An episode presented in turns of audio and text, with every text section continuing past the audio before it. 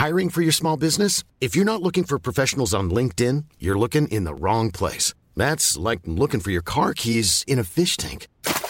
LinkedIn helps you hire professionals you can't find anywhere else, even those who aren't actively searching for a new job but might be open to the perfect role. In a given month, over 70% of LinkedIn users don't even visit other leading job sites. So start looking in the right place. With LinkedIn, you can hire professionals like a professional. Post your free job on linkedin.com slash people today.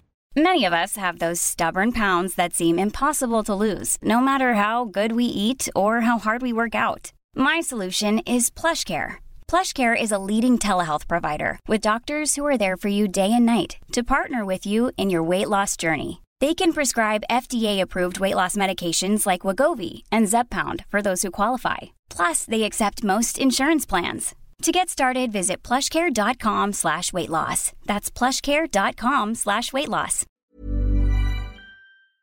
Hej och välkomna till Wow-podden! Feedback, eller feedforward som vi ibland vill kalla det, är ju nödvändigt för att vi ska utvecklas och växa. Och för att vi ska ta oss framåt. Och det gäller ju inte bara företag utan det gäller ju oss som individer och i våra relationer också. Det finns ju olika sätt att ge feedback. Precis. Eh, positiv feedback är ju ett sätt. Och då förstärker man ett positivt beteende och gör att människor växer och blir mer engagerade om man ger feedback på det sättet. Ja, man fokuserar på de positiva sidor man vill förstärka Ja. hos någon. Eller så kan man ge utvecklande feedback. Och den ska ju vara konstruktiv, saklig och tydlig och handla om något som går att förbättra. Ja, för att man ska utvecklas. Annars om det inte är någonting som går att förändra, förbättra, Mm. så eh, leder det ju inte till någonting. Ger man feedback på något som har hänt eh, bakåt i tiden som inte går att förändra, Nej, då är det ju inte feedback tycker jag.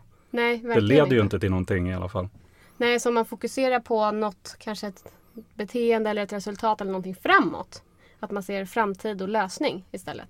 Ja, ett exempel på dålig feedback Mm. skulle kunna vara att eh, man som ledare kommer in och säger att du, det här var inte bra, det här gjorde du inte bra.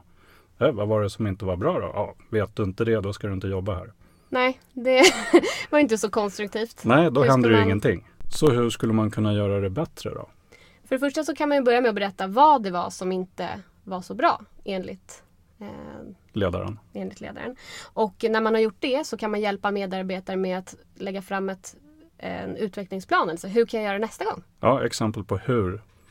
Och sen när man har gjort det, att man är tydlig med att förklara varför det är viktigt att medarbetaren gör på det här sättet. Vad, hur och varför. Ja, Men det är inte alla som är vana att ge feedback. att våga säga vad man tycker. Så då kan man ju börja någonstans. Man kan börja med att ge andra komplimanger. Ja. Bara säga något positivt om eh, kläderna. Det leder ju kanske inte till någon eh, utveckling. Nej. Men det är ändå någonstans att börja. Att börja öva. Vad snygga strumpor du har. Precis, för om man börjar öva då kommer ju hjärnan att börja bygga nya liksom, vägar där inne. Ja. Nya stigar. Annars, det kanske inte leder till någonting eh, jättestort. Vad snygga byxor du har. Och sen fortsätter man att använda samma Nej. färg och samma Men det modell. är bra att öva för att våga säga vad man tycker. För många tycker att det är jobbigt att säga vad de tycker för att man är rädd för att trampa någon på tårna eller bli osams eller hamna i en diskussion och det är det sista man vill. Så då kan en bra sak att börja med är att tänka two stars one wish. Mm. Nå, ett par positiva saker man ger feedback på och så en önskan. Så två saker, alltså two stars, det är alltså de två positiva sakerna. Och sen önskar man någonting som leder till utveckling. Ja, någonting man skulle vilja se förbättring på. Och den här övningen kan du använda både privat och på jobbet. Vi fick från början tips om den här övningen att den användes på ett dagis. Och du har ju ett annat tips på hur man kan använda feedback privat. Ja, jag var på middag med några vänner. Så satt vi runt ett bord och käkade.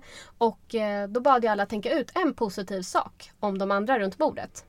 Så vi funderade lite och sen så gick vi bordet runt och fick berätta en positiv sak om varför vi uppskattar eh, den personen.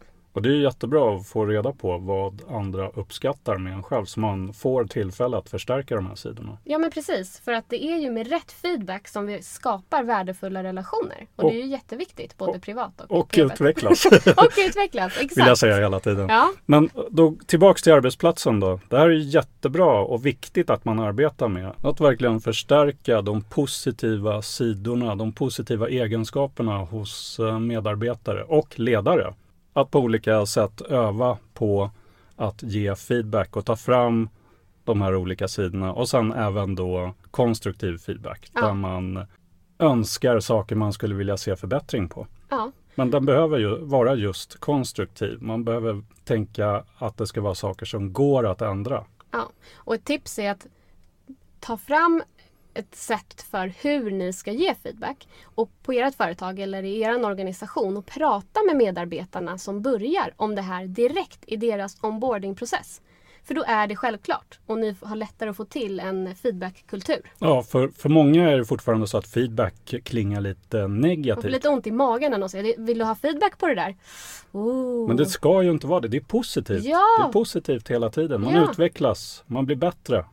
Och där kan vi också säga att det handlar ju faktiskt inte bara om den som får feedbacken med vad liksom resultatet blir av den. Nej, det Utan- är ju lika mycket upp till den som ger feedbacken. Precis, så man behöver träna på att både ge och få.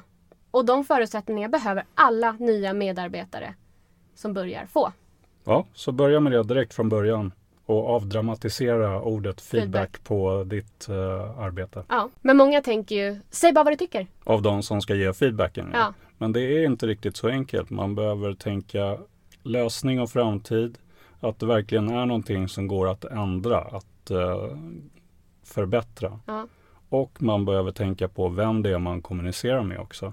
Så att man gör det på mottagarens villkor. Precis. Och du har ju också olika uppväxt, man har olika värderingar, man tänker på olika sätt, man har olika kommunikationsstilar och allt det påverkar hur du sen kommer ta emot den här feedbacken och även hur du vill ge feedbacken. Så därför är det viktigt att ta fram ett sätt som alla ska ge feedback på, på företaget. Då blir allting klart och tydligt. Hur ser det ut på ditt jobb?